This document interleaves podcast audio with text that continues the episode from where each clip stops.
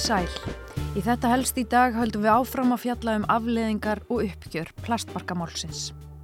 Viðmælandi okkar er Björn Sóega, forstjóri Karolinska sjúkrahásins og stjórnaformaður landsbítalans. Hann segir að þessu rúmlega áratuga langa máli sé ekki enn lokið af hálfu landsbítalans. Það eru augljóst að, að spítanum þarf að kannski fara í gegnum málið en einu sinni til þess að sjá hvort það sé eitthvað standi út af. Afleðingar plastbarkamálsins hér heima eru meðal annars átök, sundrung og særindi í læknastettinni. Um það hafa myndast fylkingar og rígur sem enn gætir víða. Ekki voru allir á sama máli um hver bar ábyrð, hver axlaði ábyrð og hvaða stopnun stóð sér best í að taka til eftir þetta mikla neykslismál. Undarfarna daga hefur andrúnsloftið með að lækna á landsbítalanum verið spennuþrungið. Við sögðum frá því í síðustu veiku að Tómas Guðbjörnsson, læknir, væri komin í leifi frá störfum sínum og að ástæðunar tengdust plastbarkamálinu. Í þættinum var sagt frá því að styrr hefði staðið um mál tengd Tómasi í nokkur tíma. Nýju læknar lístu vaksandi kerkju sem meðal annars nýri að framkomi hans í fjölmiðlum sem þeir töldu dansa á mörkunum þegar kemur að síðaraglum lækna. Heimildamenn þetta helst úr efstu lögum spítalans sögðu kergjuna útbreyta og að máli væri flókið úrlausnar. Engin þeirra vildi koma fram undir nafni, báru fyrir sér nálaðavanda og þau átök sem eiga rætur sínar að rekja til plastbarka málsins. Tómas vildi ekki tjá sig við þetta helst. Magnús Karl Magnússon, profesor við Læknadeilt Háskóla Íslands og náinn vinur Tómasar, brást við umfjölluninni með aðsendri grein á vísi. Þar sagði hann frettaflutning af Tómasi vera farsakendan, persóna árásir og gróusögur. Þá tók Magnús fram ellifu likil þætti í plastbarkamálinu sem honum þótti rétt að fólk þekkti. Magnús Karl var jáfnframt eitt þeirra sem framkomu á umdeildu málþingi sem haldið var í Háskóla Íslands ári eftir plastbarka ígræðsluna. Í gerðkvöldi sendi Tómas frá sér yfirlýsingu þar sem hann áréttaði að hann hafi ekki verið sendur í leifi. Heldur hafa hann fyllt ráðum lækna og farið í sjúkrarleifi. Það hafa hann gert heilsu sinnar vegna og með hagsmunni sjúklinga í huga. Þá víkur Tómas að plastbarkamálinu og segir Undanfarið hefur aðkoma mín að fyrstu plastbarka aðgerðinni á Karolinska sjúkrahúsinu í Stokkólmi í júni 2011 verið á ný í fréttum. Umræðan hefur á kauplum verið óvægin og stundum farið frjálslega með staðrendir. Hann minnir á að hann hafi verið kallaður til sem vittni hjá tíu innlendum og erlendum rannsóknaraðilum plastbarkamálsins meðal annars rannsóknanemdum Karolínsku stofnunarinnar, Karolínska sjúkrahúsins, Sænsku lögreglunar og síðast en ekki síst óháðri rannsóknanemd Landspítala á Háskóla Íslands sem Pál Hreinsson stýrði og skilaði ítalegri skíslu um árið 2017. Tómas segir napsitt margóft koma fram í öllum þessum skýrslum en það hafi hann sjálfur ákveðið að afhenda öll gögn sem hann hafði undir höndum til sænsku lauraglunar þegar hún hóf formlega rannsókn á störfum Pálo Macchirini fyrir tæpum áratug síðan. Gögnin innihaldi meðal annars nákvæma tímalínu og persónulega tölvupósta og hafi verið líkil heimildir við að upplýsa málið.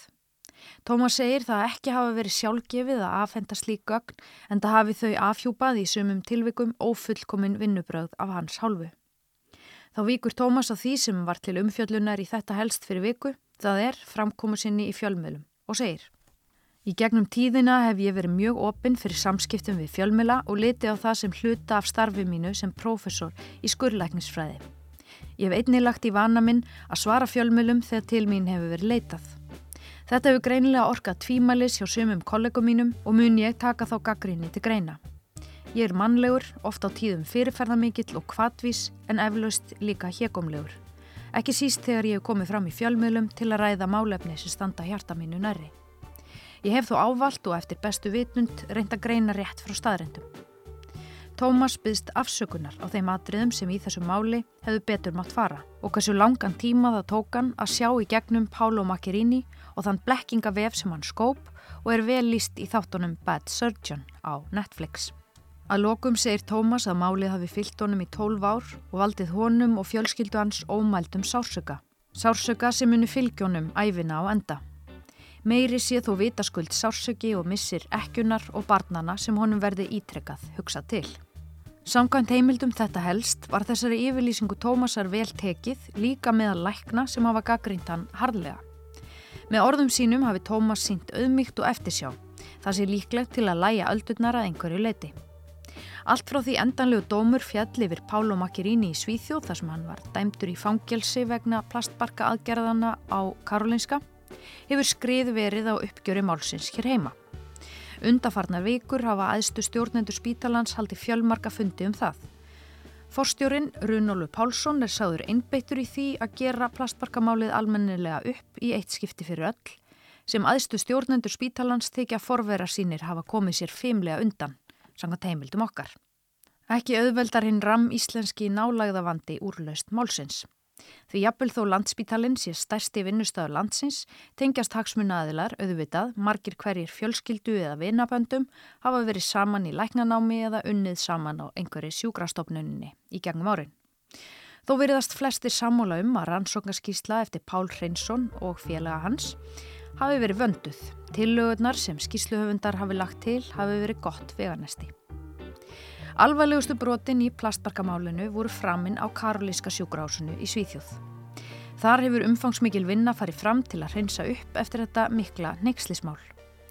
Fóstjóri sjúkrahásins, hann Björn Sóega, er jafnframt stjórnaformaður landsbítala og er gestur okkar í dag.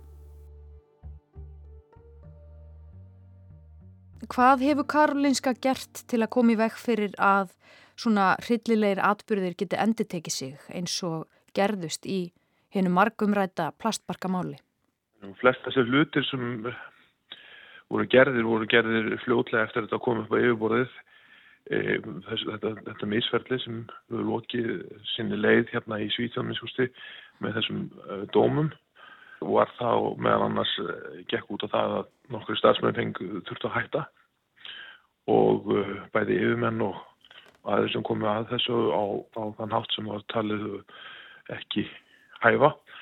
Og síðan hefur sett á stað þær nefndir sem fjalla um meðan síðferði og síðfræði í nýja meðferða og síðan einnig já, svona annað ráð sem gefur leifi fyrir því hvort að, að megi fara á stað með hérna, nýjar meðferðir inn á spítalunni yfir höfuð óháð eh, samþykki síðfræði nefnda í kringur ansóknu.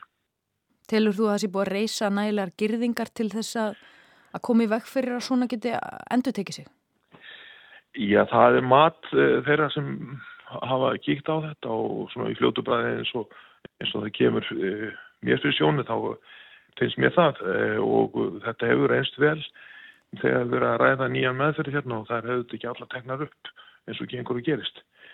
En þetta var harðla óvunlegt og, og uh, mikið af bæði tilviljunum og vittlisum sem fjallu á sama veg sem var til þess að þetta var mögulegt.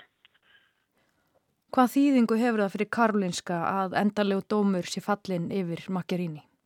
Já, það hafði svo sem kannski ekki svo mikil, mikil þýðingu fyrir Karolinska að, að, að dómur skildi verið fallin en þetta eru þetta bara ágætt fyrir spítalan og háskólan að að það minnast á að þetta gerðist þó sem komur mörg ár síðan og að svona fyrir ekki gegnum kerfið á þess að það hafi ykkur afleðingar.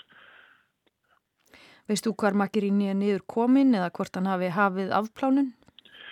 Nei, samkvæmt því sem ég las í fjölum miðlum hérna síðast þá er hann uh, stattur í Barcelona og hefur beðum að fá að afplána fangilsvist sína þar. Nú hefur málið enn og aftur komist uh, í fréttir hér á Íslandi og Runólu Pálsson hefur nýlega beðið ekki fyrsta plastbarka þegans afsökunar á því hvernig fór. Kemur til greina að þú sem forstjóri Karolinska beðir eftirlifandi ættingja plastbarka þegana afsökunar? Já, svo umræð hefur ekki verið uppi vegna þess að uh, forveri minn í starfi hérna uh, mun hafa beðið uh, alla hlutegandi í, í óberi yfirlýsingu afsökunar á því sem misfórstýrinn er að spítalans og það voru auðvitað fleiri en, en eitt sjúklingur. Tilur þú sem stjórnaformaður landsspítala að þetta mál hafi verið gert upp að fullu hvað spítalan varðar eða heldur það að þurfa að ganga lengra í tiltækt eftir þetta mál? Þú meinar hvert landsbytalanum? Já. Þetta eh, finnst manni að, að, að, hérna, að það sé kannski ekki alveg full uh, greint en það hefur komið út um, greina góð skísla um þetta, rannsónskísla sem við gerðum þá við án háskólans og landsbítalans og, og ég held að það sé margt uh, til líkt að leit en kannski ekki allt og kannski ekki verið farið eftir öllum þeim atriðum sem komið fram í þeirri skíslu en eh, ég sjálfsög ekki myndað mér eina einstakar skoðan af því máli, þetta hefur ekkit komið upp til umræði fyrir en akkurat núna í, í framhald af domnum yfir Makjaríni hérna fyrir það sem hafa sakvöldi fyrir líkasáras eftir að hafa verið e, síknaður áður að mestu leiti en, en núna er, er þetta bara komið í ljós og það er augljóst að, að spítan þarf að kannski fara í gegnum málið en einu sinni til þess að sjá hvort það sé eitthvað standi út af. Er eitthvað sem að þú getur sagt, einhverjir mikilvægar upplýsingar sem þú telur að eigi eftir að koma fram eða um, einhver hluti af þessu máli sem að þú telur vera óuppgerður? Ég það eh, hef ég áður sagt að mér finnst eðlegt að ferlið í kringu það hvernig eh, við komandi var sendur út og, og hver borgaði hvað og, og samninga sjúkratrygginga við Karolinska og ferlið í kring og það e, allt saman finnst mér að, að við þurftum að kíkja betur á og læra af og komið upp fyrir að eitthvað svona geti komið fyrir aftur. Já, sjúkratryggingar taka þátt í að greiða fyrir kostnað við aðgerð sem að nú hefur verið tólkuð sanga hérna sænskum domstólum sem líkamsárás og það er búið að dæma manni sem skar. Hvað finnst þér um að íslenski skattgreðendur og sjúkratryggingar hafi tekið þátt í þessu? Það er auðvitað svolítið erfitt að því að maður komið auðvitað ekki að þeim ákvörðunum og, og heldur ekki einsýna því hvernig það gekk fyrir sig að borgundir eh, tilröna með þess sem stóðst ekki skoðun. Eh, mér finnst að það væri eðlegt að maður myndi skoða það mál betur og það fekk ekki hljóngrunn þegar ég hef áður eh, lift því á Íslandi bæði við nefndina og aðra aðla sem á að koma að þessu máli.